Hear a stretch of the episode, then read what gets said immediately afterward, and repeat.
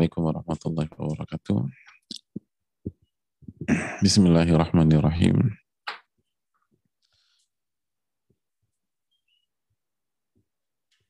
الحمد لله رب العالمين وبه نستعين على أمور الدنيا والدين ونشهد أن لا إله إلا الله وحده لا شريك له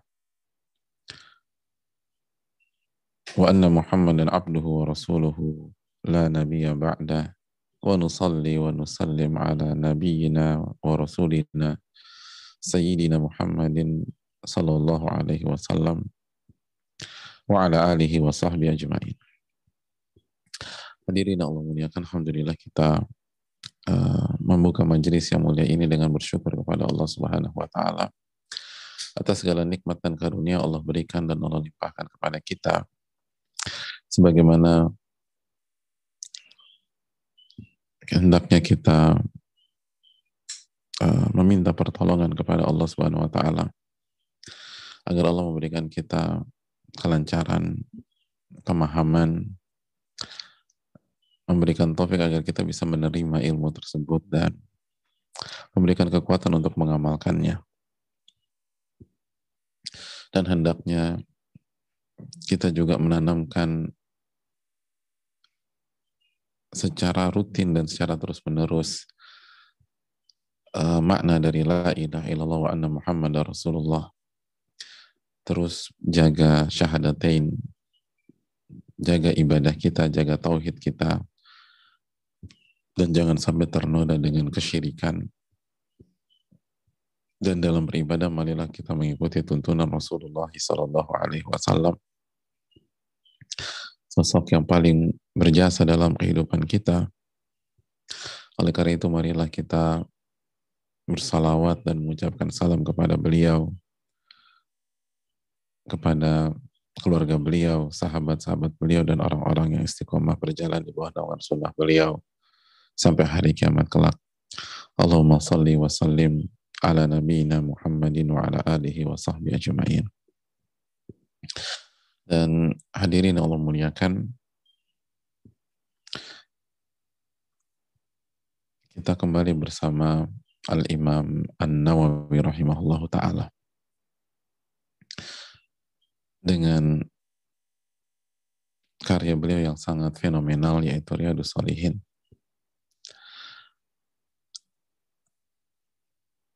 salah satu kitab terbaik di dunia dan yang paling tersebar dan paling dikaji setelah Al-Quranul Karim. Kitab yang direkomendasikan oleh para ulama dari zaman ke zaman. Dan sungguh beruntung ketika Allah memberikan taufik kepada kita sehingga kita bisa belajar apalagi kita belajar dari salah satu buku yang terbaik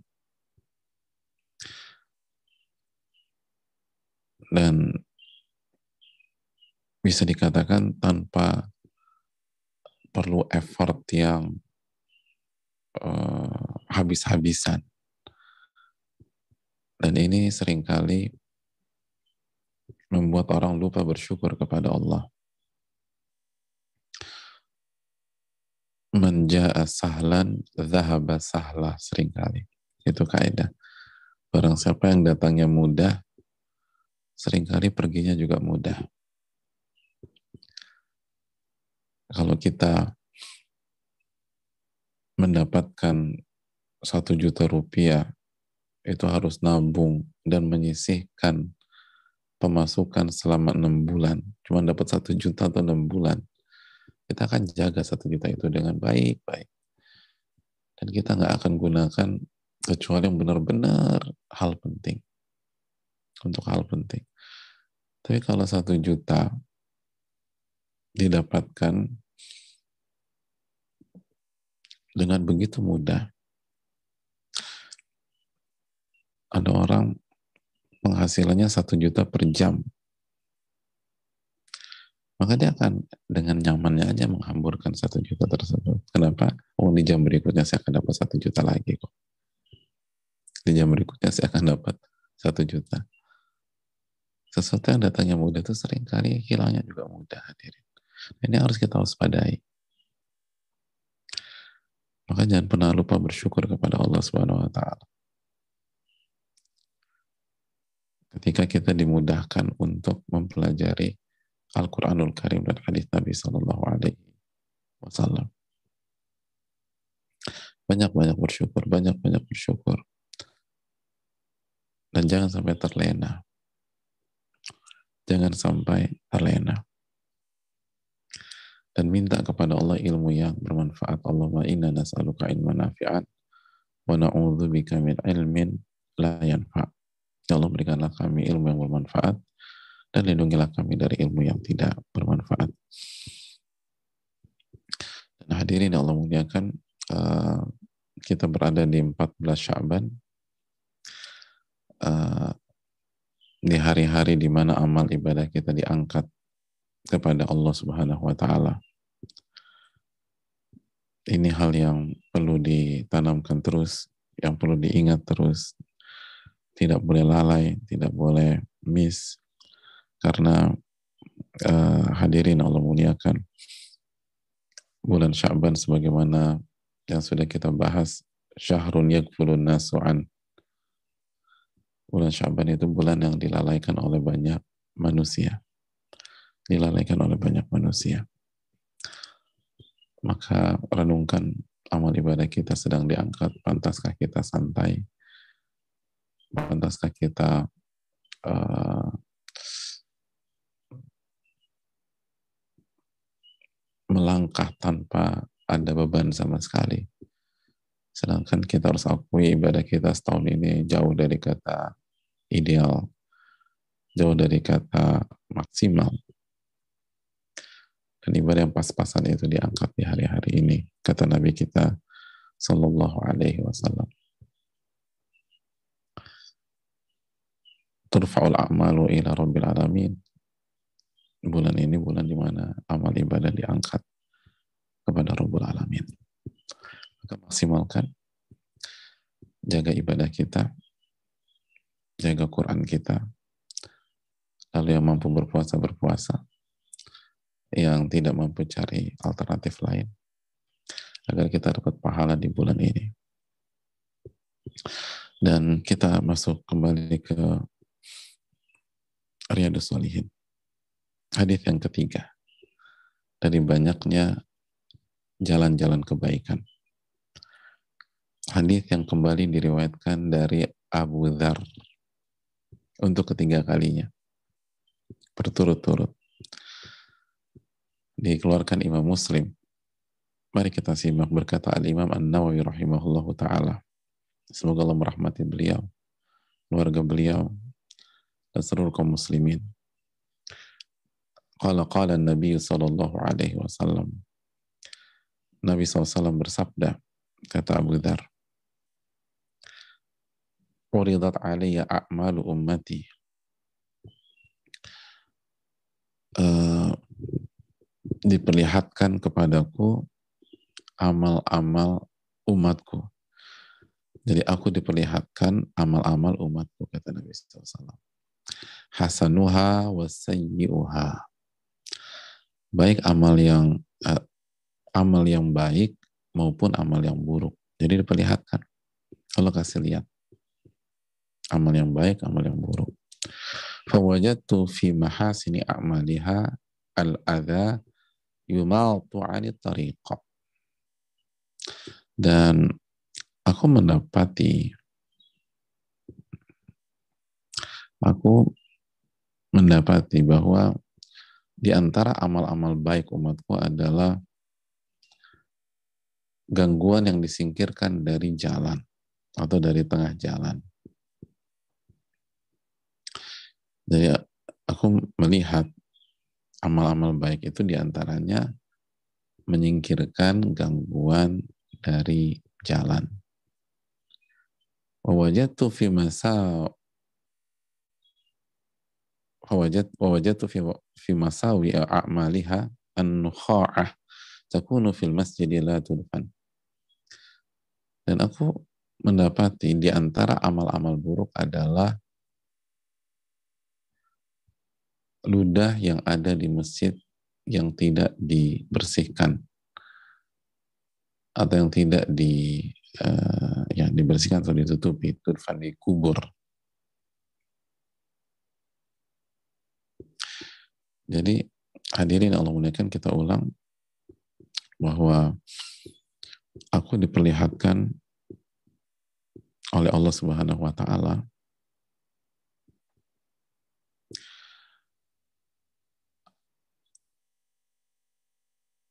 amal-amal kebaikan dan amal-amal keburukan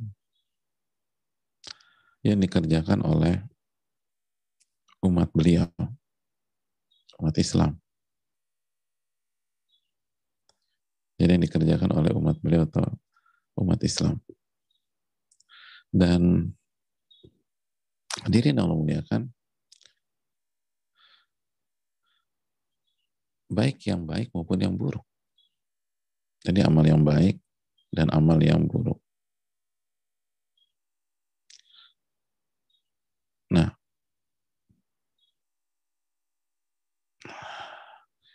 di antara amal yang baik, di antara amal yang baik adalah menyingkirkan gangguan dari menyingkirkan gangguan dari jalan. Dan di antara amal yang buruk adalah uh, meludah di masjid lalu nggak dibersihkan. Nanti kita jelaskan apa maksudnya. Bismillah ta'ala. Meludah atau uh, yang baik yang ini maupun yang ada dahaknya di masjid dan tidak dibersihkan. Ya. Hadirin yang Allah muliakan. Itulah hadir kita pada pagi hari ini. Pelajaran yang pertama, pelajaran yang pertama, bahwa hadis ini menunjukkan bahwa di antara amal soleh, di antara amal soleh itu menyingkirkan gangguan dari jalan. Menyingkirkan gangguan dari jalan. Dan yang dimaksud gangguan di sini apa saja yang bisa mengganggu, bisa menghambat, bisa mencederai pengguna jalan. Duri, atau ada batang kayu. Sekarang paku, paku, oli, itu oli. Apalagi banyak banyak yang hobi sepeda dan sepedanya cepet-cepet. Itu kan bahaya banget tuh. Motor kalau lewat itu. Jangan motor mobil juga bisa tergelincir. Atau air, genangan air yang bisa membahayakan. Atau mungkin ada jalanan berlubang Nah, kita harus mikir nih kita sebagai orang yang tinggal di lingkungan tersebut gimana lubang di jalan itu di ditambal atau di ini lagi. Itu pahala besar. Dalam hadis Bukhari Muslim Nabi SAW mengatakan al-imanu bid'un wa sab'una syu'bah. Au bid'un wa syu'bah. Iman itu ada 70-an cabang kata Nabi SAW. Fa'afdaluha qawlu la ilaha illallah. Dan cabang tertinggi adalah la ilaha illallah. Adnaha imatatul adha anit tariq. Dan yang paling rendah menyingkirkan gangguan dari jalan. Nah ini kan renungan bagi kita hadirin. Iman itu ada 70-an cabang, kata Nabi SAW. Ingat, ada 70-an cabang. Yang paling tinggi qawlu la ilaha illallah. La ilaha illallah. Ucapan keyakinan la ilaha illallah. Tidak ada ilah yang berhak diibadahi kecuali Allah. Lalu yang paling rendah imatatul adha anit. Menyingkirkan gangguan dari jalan. Jadi yang menggelitik di benak kita adalah bagaimana jika kita melihat gangguan nggak terbesit untuk menghilangkan gangguan tersebut, Nah terus kita dapat cabang yang mana hadirin? Ini udah paling rendah. Masa yang paling rendah juga nggak terbesit? Masa yang paling rendah juga nggak perhatian? Masa yang paling rendah juga nggak bisa? Masa untuk mengerjakan yang paling rendah males dan nggak mau? Terus bagaimana dengan iman kita? Ini yang paling rendah loh. Kata Nabi kita SAW. Kata Nabi Sallallahu Alaihi Wasallam. Jadi hadirin jangan pernah remehkan ini. Ini yang paling rendah. Ini yang paling, harusnya yang paling ringan, yang paling gampang. Begitulah ada gangguan, singkirkan. Ada gangguan, singkirkan. Di mana-mana. Baik di jalan, atau di rumah, atau di indoor misalnya. Kita, apa namanya, oh, kita naik tangga, terus di tangga tuh ada tumpahan air, atau ada genangan air, atau licin lah. Ada air. Langsung cari kain pel atau ada tisu langsung dikeringkan ini bahaya ada orang turun jatuh bisa fatal saya tunggu-tunggu lagi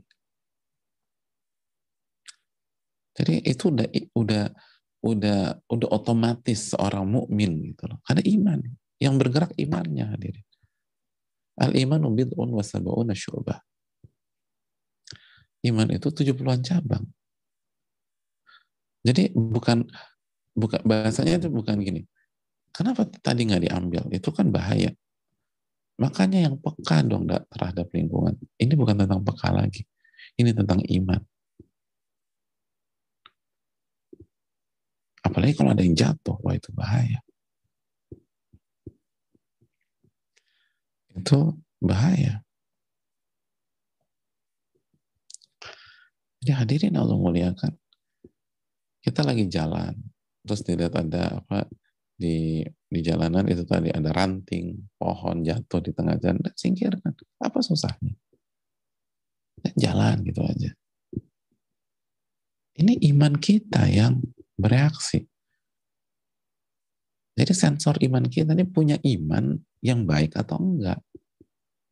Ini ketingkatan iman terendah. Tingkatan iman terendah. Kita lihat ada paku di jalan singkirin. Atau kalau di indoor atau di rumah atau apa ada kayak ada beling ada paku payung suka gitu kan ya. Kalau di apa di lantai di indoor gitu ada paku payung atau di outdoor juga mungkin di di di trotoar di tempat jalan raya atau di uh, di pengguna jalan singkirkan ini tentang iman bukan sebatas kepekaan lingkungan bukan tentang sekedar uh, apa kebaikan ini tentang iman. Ke mana iman kita? Ke mana iman kita? Singkirkan. Ada balok di tengahnya disingkirkan.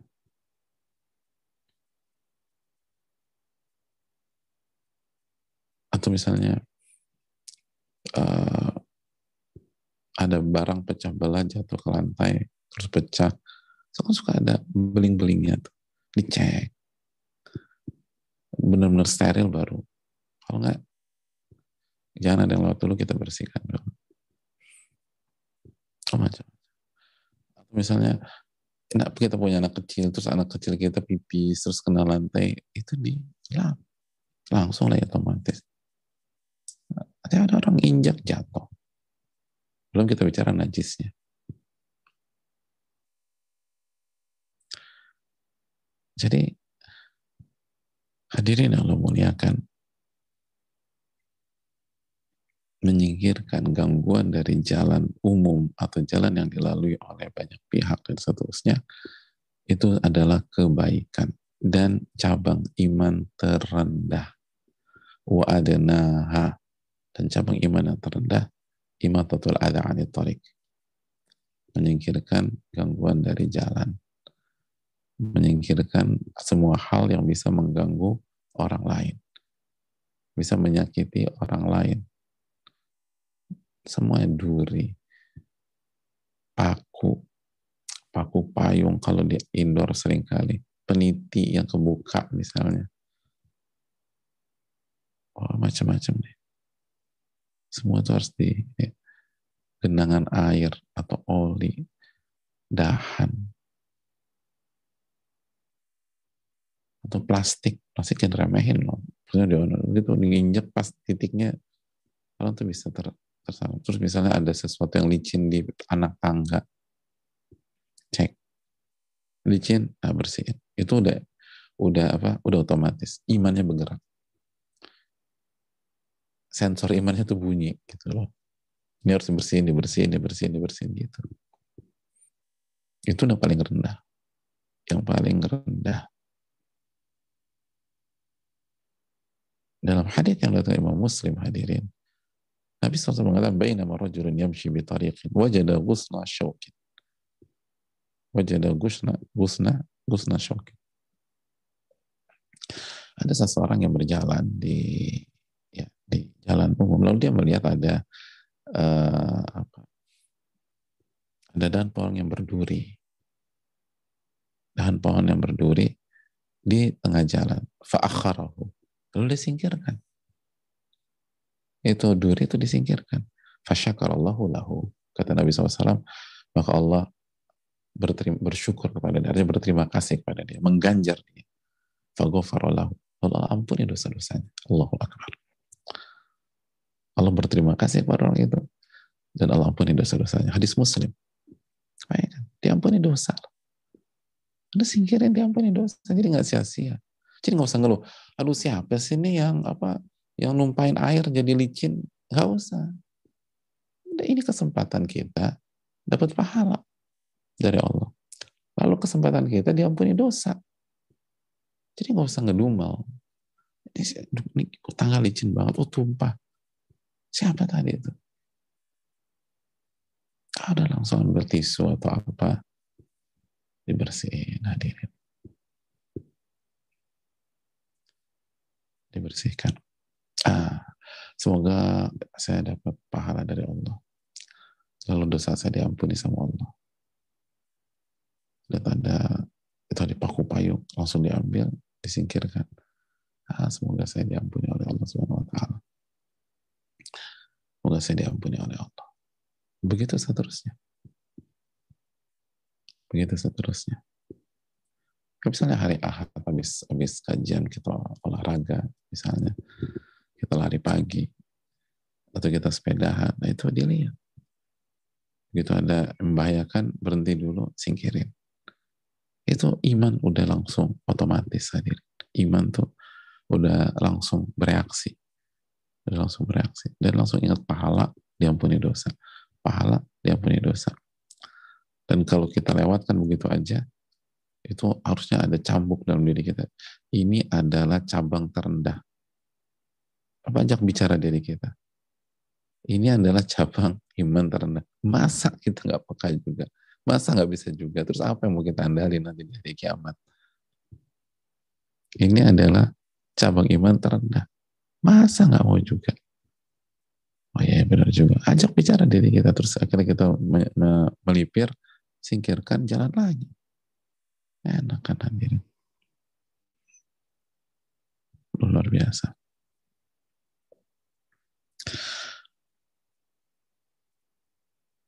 Berikutnya hadirin sekalian Allah muliakan.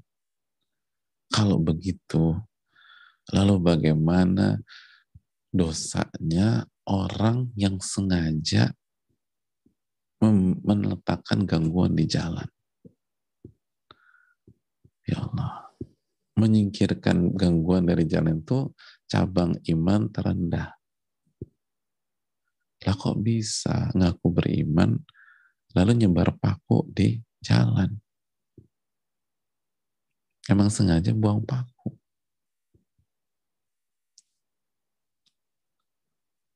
Itu ke mana imannya?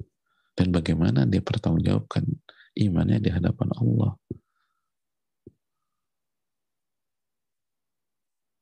Itu hal yang paling atau membuat gangguan di jalan, menghambat pengguna jalan.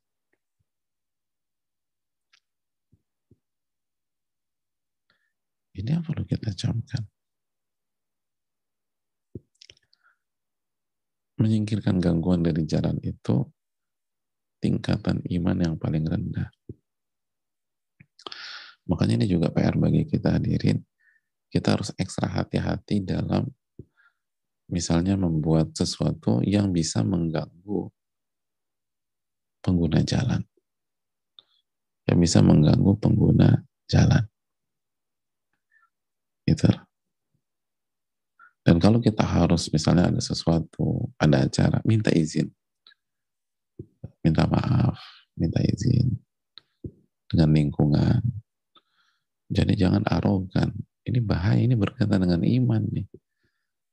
Jalan itu harus dilapangkan dan dilancarkan. Gitu Pak. Bukan diganggu. Apalagi itu tadi ada oknum-oknum yang nyebar paku lah atau nyebar gangguan biar ada masalah lalu dia dia digunakan atau atau bahkan dia ingin melakukan sebuah tindakan kriminal. Subhanallah. Itu bagaimana dia pertanggungjawabkan imannya pada hari kiamat kelak. Itu hadirin Allah muliakan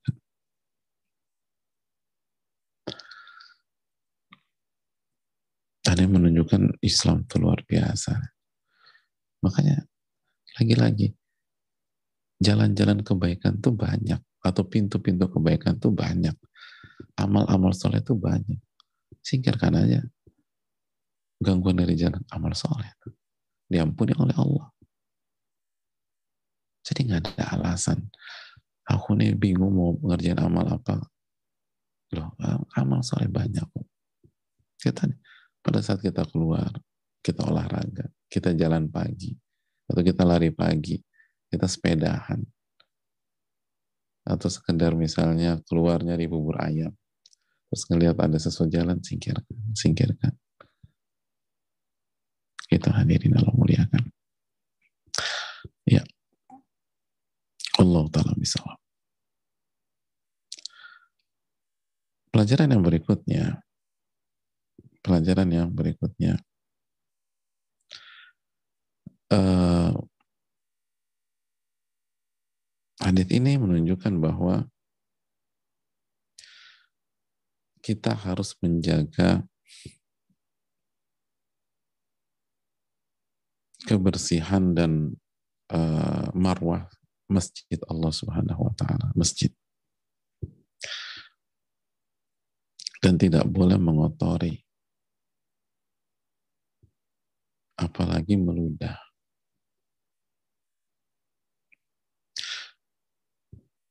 Nabi kita SAW bersabda dalam hadis surat Imam Muslim, Inna hadhil masajidah la taslu li syai'in min hadzal bawli wal qadar. Sesungguhnya masjid-masjid ini nggak pantas dan nggak layak untuk hal-hal seperti pipis atau urin dan kotoran-kotoran lainnya. Innama hiya li ya azza wa jal. Karena masjid itu untuk berzikir kepada Allah. Wassalati wa qiraatil Quran. Dan untuk sholat. Dan untuk membaca Al-Quranul Karim. Gak pantas dikotori, kata Nabi. Gak boleh dikotori. Hadirin Allah muliakan. Makanya dalam hadis Bukhari Muslim, al-busaqu fil masjidi khati'atun. Meludah di dalam masjid itu sebuah kesalahan. Kesalahan. Wa kafaratuha dafnuha. Dan untuk apa uh, kafaratnya untuk membayar kesalahan tersebut itu harus segera dibersihkan. Jadi meludah itu sebuah kesalahan. Makanya ulama fikih ketika membahas apa hukum meludah dalam masjid, Mother Syafi'i mengatakan haram. Mother Syafi'i mengatakan haram. Karena itu tadi Nabi kan al-busaqu fil masjid khati'ah. Dan sebagaimana hadis ini. Hadis ini. Hadis Abu Dhar ini. Hadirin Allah muliakan Ternyata amal-amal buruk umatku itu meludah di masjid dan tidak dibersihkan.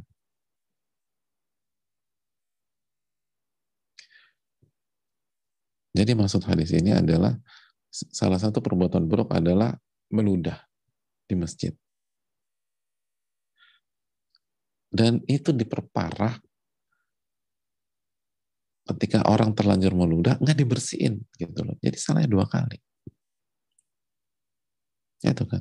Tadi kata Nabi sallallahu alaihi wasallam apa khati'ah. Al-busaq fil masjid khati'ah. Meludah di masjid itu salah kafaratuha. Dafnuha. Atau kafaratuhu dafnuhu. Dan kafaratnya adalah uh, apa namanya uh, kafaratuha dafnuha dibersihkan jadi kafarnya itu hmm, kafarat untuk menggugurkan dosa itu menggugurkan kesalahan itu dibersihkan jadi udah salah nggak bayar kafarat pula jadi dua salah al-wusaq fil masjid khati'ah wa kafaratuha dafnuha. Jadi dua salahnya. Makanya kayak itu kata Nabi SAW. Nah mungkin ada bertanya gini hadirin. Emangnya bisa ya ngeludah di masjid? Kok sampai Nabi SAW mengatakan, oh kalau di, di kampung saya, Ustaz, atau lingkungan saya itu orang mungkin pulang pulang keluarnya tinggal nama kali Pak Ustadz kalau berani ngeludah di dalam masjid.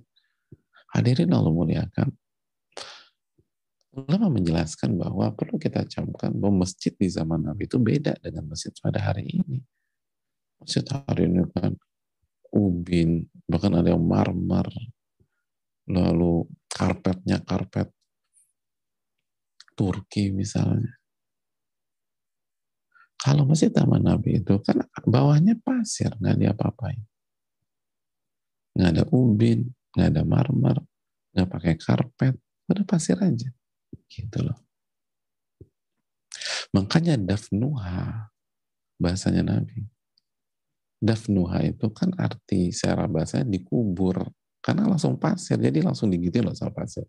Ya simpel kalau kita itu nih uh, ya bisa meludah di tanah langsung ditutupin gitu kan dengan permukaan tanah yang lain. Atau kita atau ada orang meludah di apa di tepi pantai itu kan bisa langsung diinin sama pasir-pasir yang ada di ininya. Itu dafnuha. Jadi masjid zaman Nabi itu kan nggak ada lantainya kecuali pasir gitu aja itu hadirin Allah muliakan. Jadi ada gambar. Jadi dan itu jadi uh, tapi juga bukan berarti boleh ngeludah. Makanya dilarang dikat. Karena mungkin orang dulu ada sebagian pihak kebiasaan ngeludah, lalu ketika masuk masjid, karena secara psikis lantainya sama aja dengan yang di luar, dan kebiasaan, nah makanya Islam kan mengatur. Eh, kebiasaan-kebiasaan yang buruk, yang jahiliyah jadi pakai lagi, gitu loh.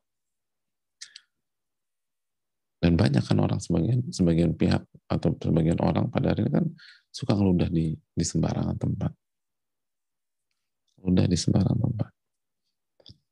Jadi itu yang di, di, di, dilarang oleh Islam dan sebuah kesalahan. Makanya Madhab Syafi'i mengatakan hukumnya haram. Itu poin. Kita harus menjaga menjaga kebersihan masjid hadirin. Masjid itu harus bersih. Karena itu tempat berzikir kepada Allah, tempatnya sholat, tempatnya baca Al-Quranul Karim. Dan yang uh, terakhir hadirin Allah muliakan bahwa hadis ini menjelaskan kepada kita bahwa pentingnya kita sekali lagi menjaga lingkungan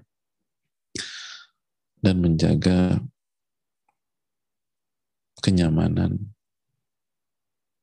lingkungan, menjaga keselamatan orang lain, menjaga itu tadi kenyamanan orang lain. Itu penting. Seorang mukmin tuh nggak boleh egois. Nggak boleh egois. Itu kalau dari masjid terus gimana nanti kalau ada orang sholat tempat ludahnya? Makanya kan dilarang diharamkan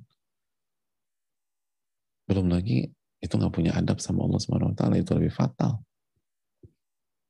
masa di rumah kalau rumah anda diludin orang mau nggak Ya enggak lah, ini rumah Allah kok Anda ludahin. Makanya harus cepat. Dan juga untuk jaga orang. Orang, orang yang mau sholat, orang yang mau beribadah. Gimana coba pas lagi sujud ternyata tuh ludah orang. Na'udzubillah. Kita bayangin aja udah males gitu loh. Itu muslim tuh harus peka demikian. Imannya tuh harus bereaksi. Dan tadi menyingkirkan uh, gangguan dari jalan, nggak ganggu orang, ingin kebaikan, berharap sekali lagi uh, orang tuh selamat dalam perjalanan, lancar dalam perjalanan, nggak ada hambatan dalam perjalanan, senang. Walaupun bukan bukan perjalanannya dia, walaupun bukan perjalanannya dia, tapi kita kita berapa kalau kita singkirkan semoga orang yang lewat itu uh, perjalanannya dilancarkan oleh Allah. Gitu. Kan gitu. Walaupun kita ngelihat gitu. Oh itu ada ada paku. Kita ngeliat. Tapi kan nggak semua pengguna jalan sepeka kita, setajam kita kelihatannya. Misalnya demikian. Hilang, orang berhenti, buang. Karena pengguna jalan macam-macam. Ada yang artinya jangankan nyetir mobil, ada yang nyetir motor sambil baca handphone. Motor masih bisa baca handphone, subhanallah. Nah, itu kalau ada apa-apa di jalan, nah, selesai itu. Oleh karena itu hadirin Allah muliakan. Kita harus mikirin orang. Dan punya mental tuh gimana orang tuh lancar. Gimana orang itu lancar. Orang itu uh, perjalanannya dimudahkan perjalanannya di uh, dilancarkan sehingga selamat sampai tujuan gitu hadirin itu hati itu harus demikian hati itu harus demikian dan ini pelajaran terakhir yang bisa kita petik bahwa itu tadi salamatus sadar itu penting salamatus sadar itu hal yang sangat penting bagi kita Salamat sadar itu hati yang bersih. Hati yang bersih. Yang kata para ulama, maksud hati yang bersih itu apa sih? Hati yang uh, menginginkan kebaikan kepada uh, orang lain. Kata Muhammad bin Sirin, Muhammad bin Sirin, arti kolbun salim itu an-nasih lillahi fi khalqihi. Qalbun salim itu nasih lillahi fi khalqihi. Orang yang uh, hatinya itu selalu ingin kebaikan buat orang lain dan itu semata-mata mencari ridha Allah Subhanahu wa taala. Nah, begitu. Penting sekali sekalian. Kita harus melatih itu. Kita harus latih hal demikian.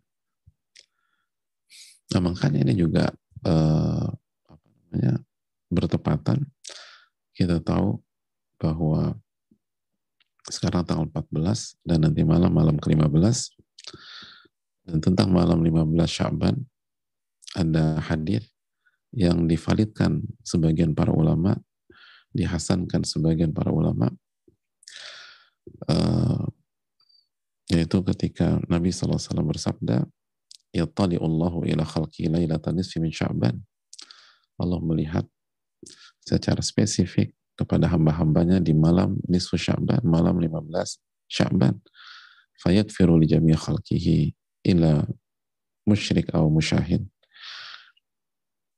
atau ila li musyrikin atau musyahid lalu Allah ampuni dosa-dosa hamba-hambanya kecuali dua golongan hadirin yang pertama, orang yang melakukan kesyirikan musyrik. Karena dosa syirik itu nggak diampuni kecuali pelakunya tobat. Dan yang kedua musyahid. Dan di antara mana musyahid itu adalah orang yang pu yang punya permusuhan. Yang hatinya itu ada permusuhan dengan saudaranya karena masalah dunia. Hatinya itu penuh dengan kebencian dengan saudaranya karena masalah dunia hatinya itu penuh dengan amarah kepada saudaranya gara-gara masalah dunia. hatinya itu penuh dengan hasad kepada saudaranya.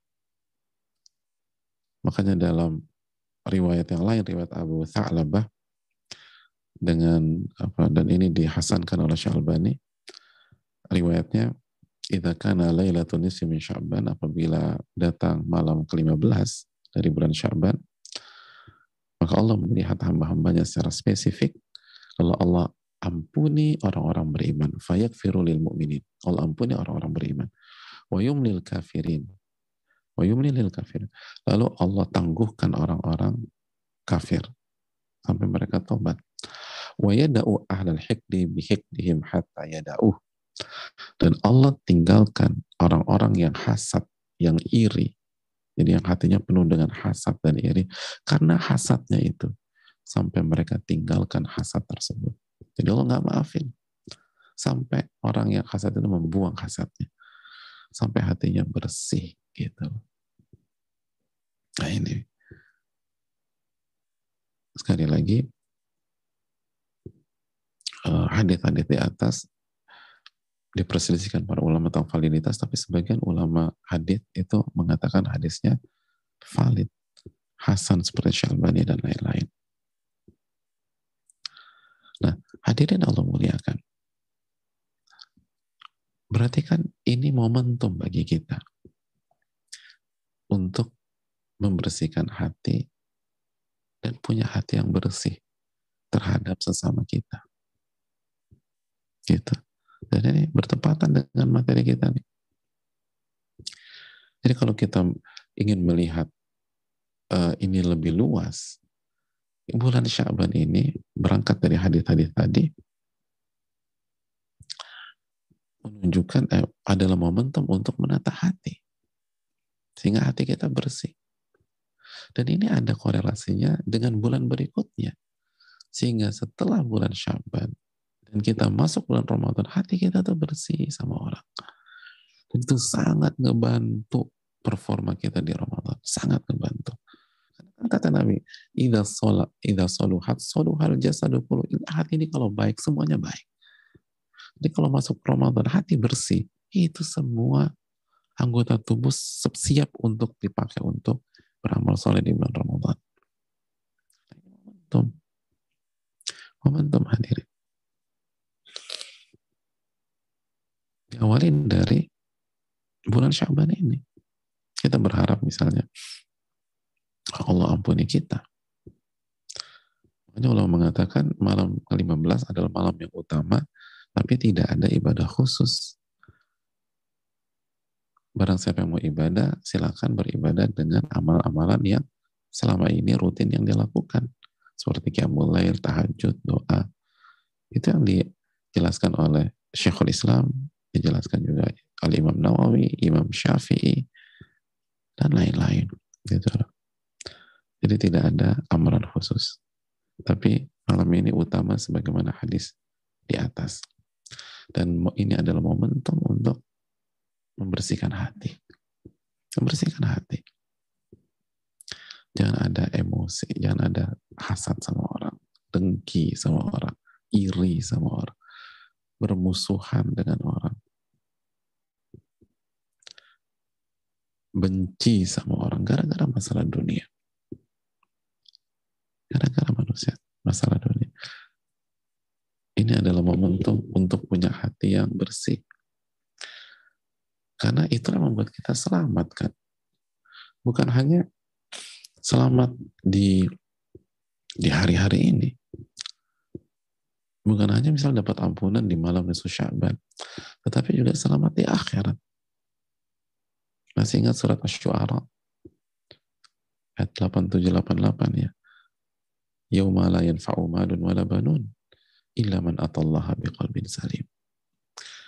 Di hari kiamat itu hari yang tidak ada manfaatnya harta dan keturunan kecuali orang yang datang kepada Allah dengan hati yang bersih gitu kata Allah.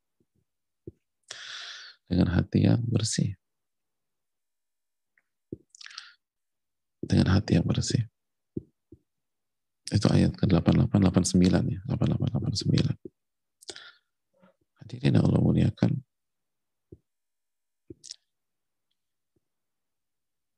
Jadi ada manfaatnya di hari kiamat kecuali jika kita punya hati yang bersih.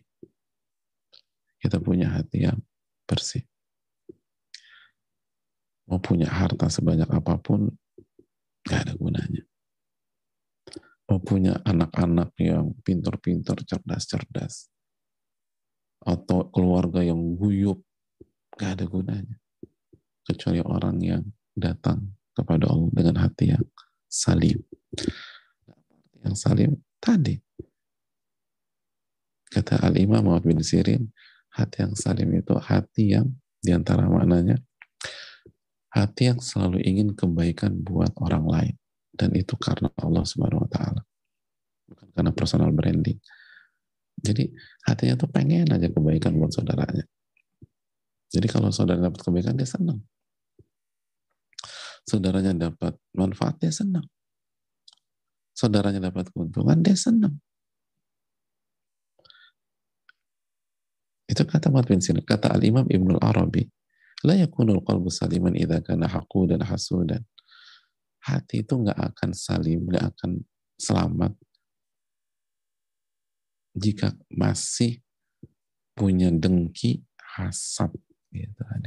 Nggak akan selamat jadi hati itu nggak akan jadi kolbun salim itu bahasanya hati itu nggak akan jadi kolbun salim jika masih ada rasa iri dengki hasad nggak ada Lalu gimana kita menghadap Allah kalau begitu? Yang selamat hanya yang menghadap Allah dengan hati yang kolbun salim, hati yang bersih, hati yang selamat. Makanya Syekhul Islam mengatakan hati yang bersih atau hati yang kolbun salim itu bahwa yuridul khaira. Hati yang selalu ingin kebaikan dan tidak suka dengan keburukan. Itu hadir. Jadi momentum nih untuk menghilangkan rasa benci dalam hati kita sama orang, sama manusia. Dan itulah hati orang-orang hebat. Hati orang-orang besar. Abdullah bin Abbas. Abdullah bin Abbas. Itu mengatakan bahwa Beliau menyampaikan, wa inilah asma annal ghaitha qad asaba balad baladan min biladil muslimin fa'afrahu bihi. Aku itu mendengar ada hujan turun di sebuah negeri dari negeri kaum muslimin. Kita tahu di Jazirah Arab susah loh hujan. Dan hujan itu mahal sekali bagi mereka. Jadi sebagian kita kalau hujan apa namanya uh, khawatir dan sebel gitu, itu mereka itu anugerah besar luar biasa. Dan itu sebenarnya hujan itu berkah hadirin. Nah, kita lanjutkan. Kata Abdullah bin Mas'ud, aku mendengar ada hujan yang turun di negeri dari negeri-negeri kaum muslimin fa'afrahu bihi. Aku tuh seneng minta ampun. Padahal aku nggak punya nggak punya padahal aku nggak punya kambing atau peternakan di sana. Dan aku nggak punya ladang kebun atau pertanian di sana. Walakin nani afrah. Tapi aku senang lianna mataran asaba baladan min biladi ikhwani min biladi muslimin aku senangnya kenapa karena hujan itu turun di negeri dari negeri-negeri saudaraku dari negeri kaum muslimin sehingga saudara-saudara saya itu bisa mengambil manfaat. Hati bersih banget hadirin. Hatinya bersih sekali. Jadi walaupun mungkin lo nggak kenal siapa sih yang tinggal di situ nggak tahu juga. Tapi oh itu negeri kaum muslimin. Ujian, alhamdulillah senang saya. Senang. Senangnya minta ampun. Hadirin Allah muliakan. Dan Abdullah bin Abbas itu punya harapan. Karena Ibn Abbas ya tamanna anna jami'al muslimin ya'lamuna ma ya'lam min tafsiril ayat. Marra biha. Abdullah bin Abbas itu kan ahli tafsir terbaik ya. Kata Abdullah bin Mas'ud, nikmat turjumanul Quran, Abdullah bin Abbas, sebaik-baik pentafsir Al-Quran adalah Abdullah bin Abbas. Dan Abdullah bin Abbas mendapatkan doa dari Nabi SAW. Allah findin wa alimhu ta'wil. Ya Allah, pahamkan beliau tentang agama dan ajarkan tafsir. Jadi dapat doa khusus dari Nabi SAW, lalu direkomendasi para sahabat seperti Abdul bin Mas'ud sebagai pentafsir terbaik. Apa harapan Abdul bin Abbas? Kata Abdul bin, eh, harapan Abdul bin Abbas, beliau berharap seluruh kaum muslimin mengetahui tafsir sebuah ayat sebagaimana yang beliau ketahui jika beliau membaca ayat tersebut. Jadi beliau tuh berharap ilmu yang belum miliki, ilmu yang belum miliki itu dimiliki juga oleh semua kaum muslimin. Karena Ibn Abu, jadi dia beliau nggak punya ambisi untuk jadi yang terbaik, enggak. Beda sama kita ya. Kita tuh pengen jadi yang terbaik, pengen tahu apa yang belum diketahui oleh orang. Biar jadi yang terdepan, biar jadi yang paling unggul, biar bisa tampil, biar bisa berdiri di podium. Allah bin Abbas enggak. Lihat hatinya bersihnya minta ampun. Saya berharap semua orang punya ilmu kayak punya saya. Saya tahu, saya berharap semua orang tahu juga. Kalau gitu siapa yang juara satu dong? Gak ada. Gitu. Terus siapa yang dapat Nobel dong kalau gitu? Gak ada. Semuanya sama ilmunya. Itu yang ada di harapan Abdullah bin Abbas. Kalau kita kan pengen sehingga jadi yang terdepan jadi yang lebih sukses. Alhamdulillah enggak. Saya berharap seluruh umat Islam punya ilmu seperti ilmu saya. Punya ilmu seperti ilmu saya. Lihat bersihnya. Gak ingin menonjol. Gak ada hasad. Gak ada hikam. Gak ada iri. Selalu inginkan kebaikan buat orang lain. Itu yang seharusnya ada pada diri kita. Walaupun susah-susah banget hadirin. Jadi orang lain dapat itu kita senang. Alhamdulillah. Alhamdulillah. Abu Dujana radhiyallahu ta'ala Dujana salah satu sahabat Nabi SAW. Ketika beliau sakit, itu mbak wajah beliau berseri. Jadi orang mah kalau sakit pucat gitu wajahnya, itu beliau berseri. Fakila. Lalu ada yang bertanya, wa, ada yang bertanya, mali wajhika ya tahallal. Kenapa wajahmu bisa berseri wa Abu Dujana? Kan lagi sakit. Kalau mau sakit mau pucat. Kata beliau, apa ya? Mamin amalin syai'un awthaku indi minat natain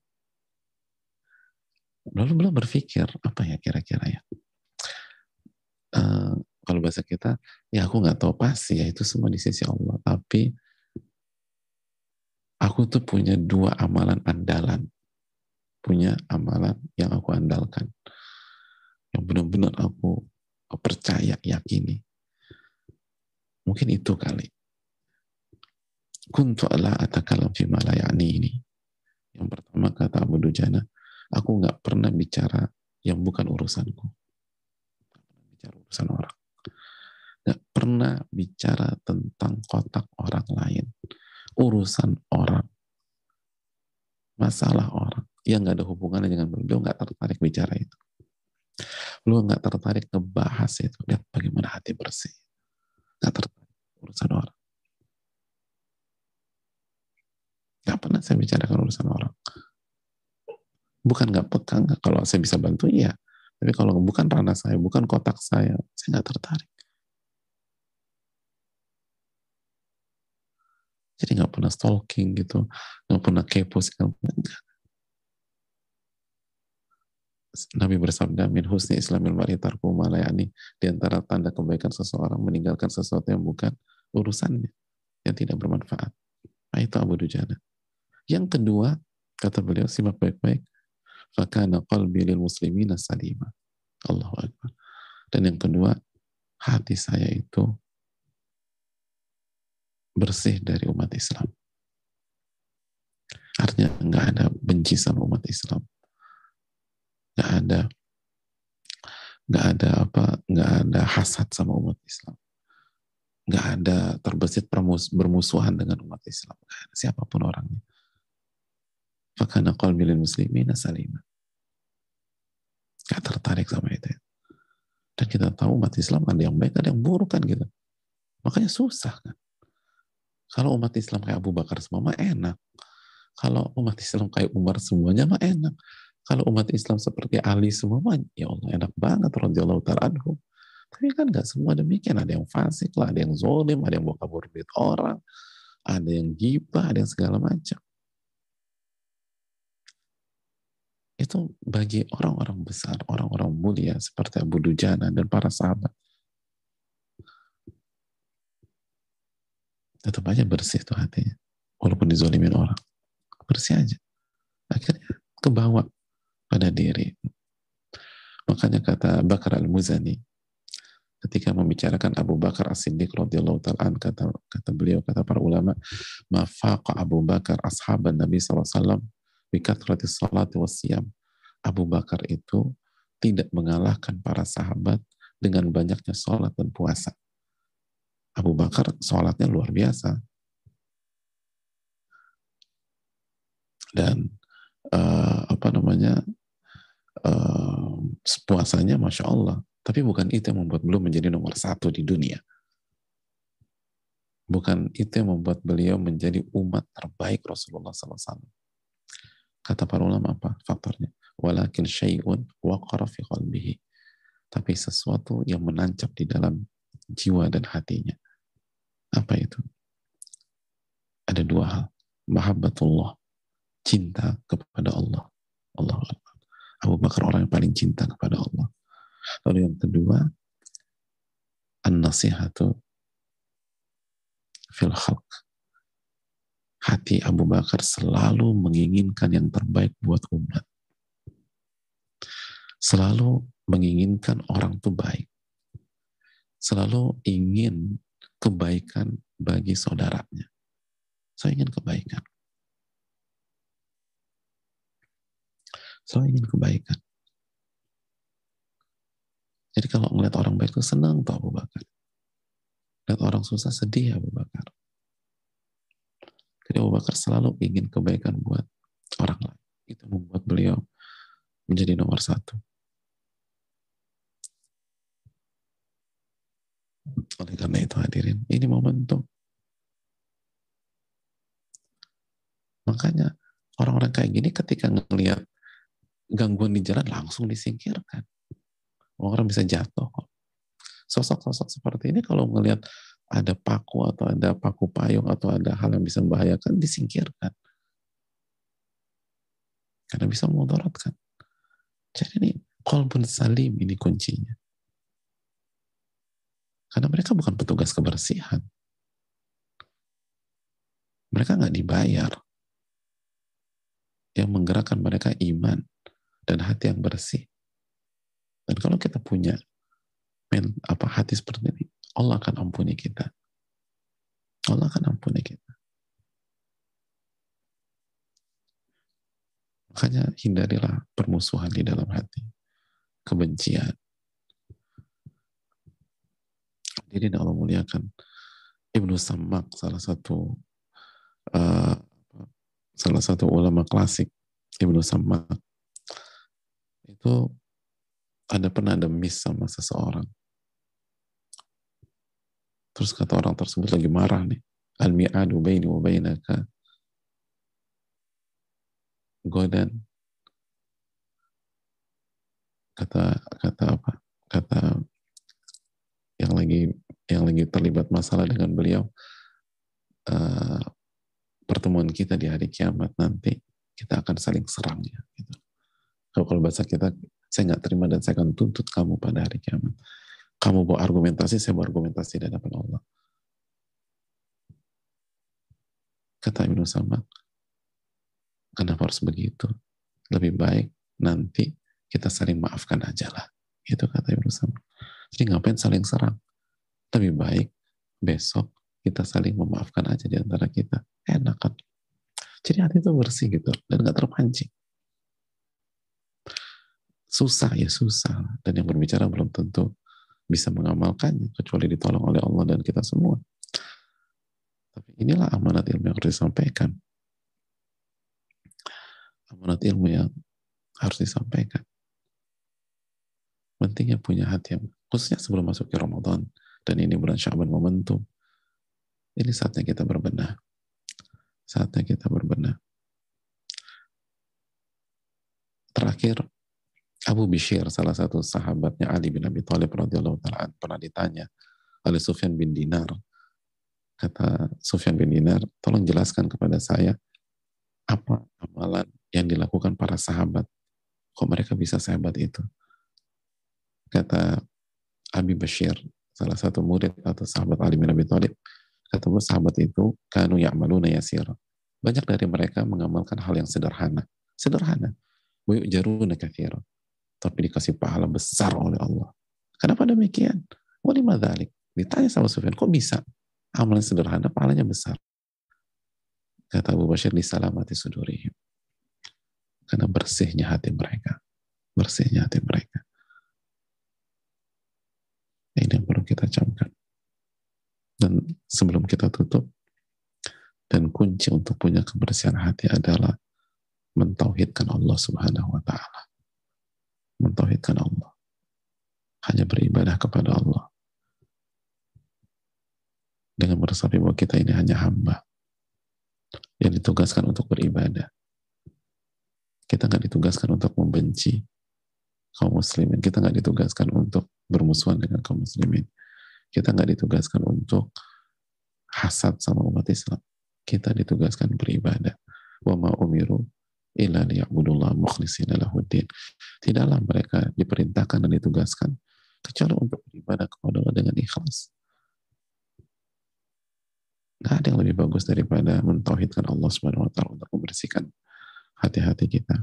Ini yang bisa disampaikan jazakallahu khairan dan waktu sudah habis. Um, semoga kita diberikan hati yang bersih sehingga kita bisa kembali kepada Allah dengan berhasil nggak ada yang bisa selamatkan kita pada hari kiamat. Harta kita nggak bisa. Pasangan kita nggak bisa. Anak-anak kita nggak bisa.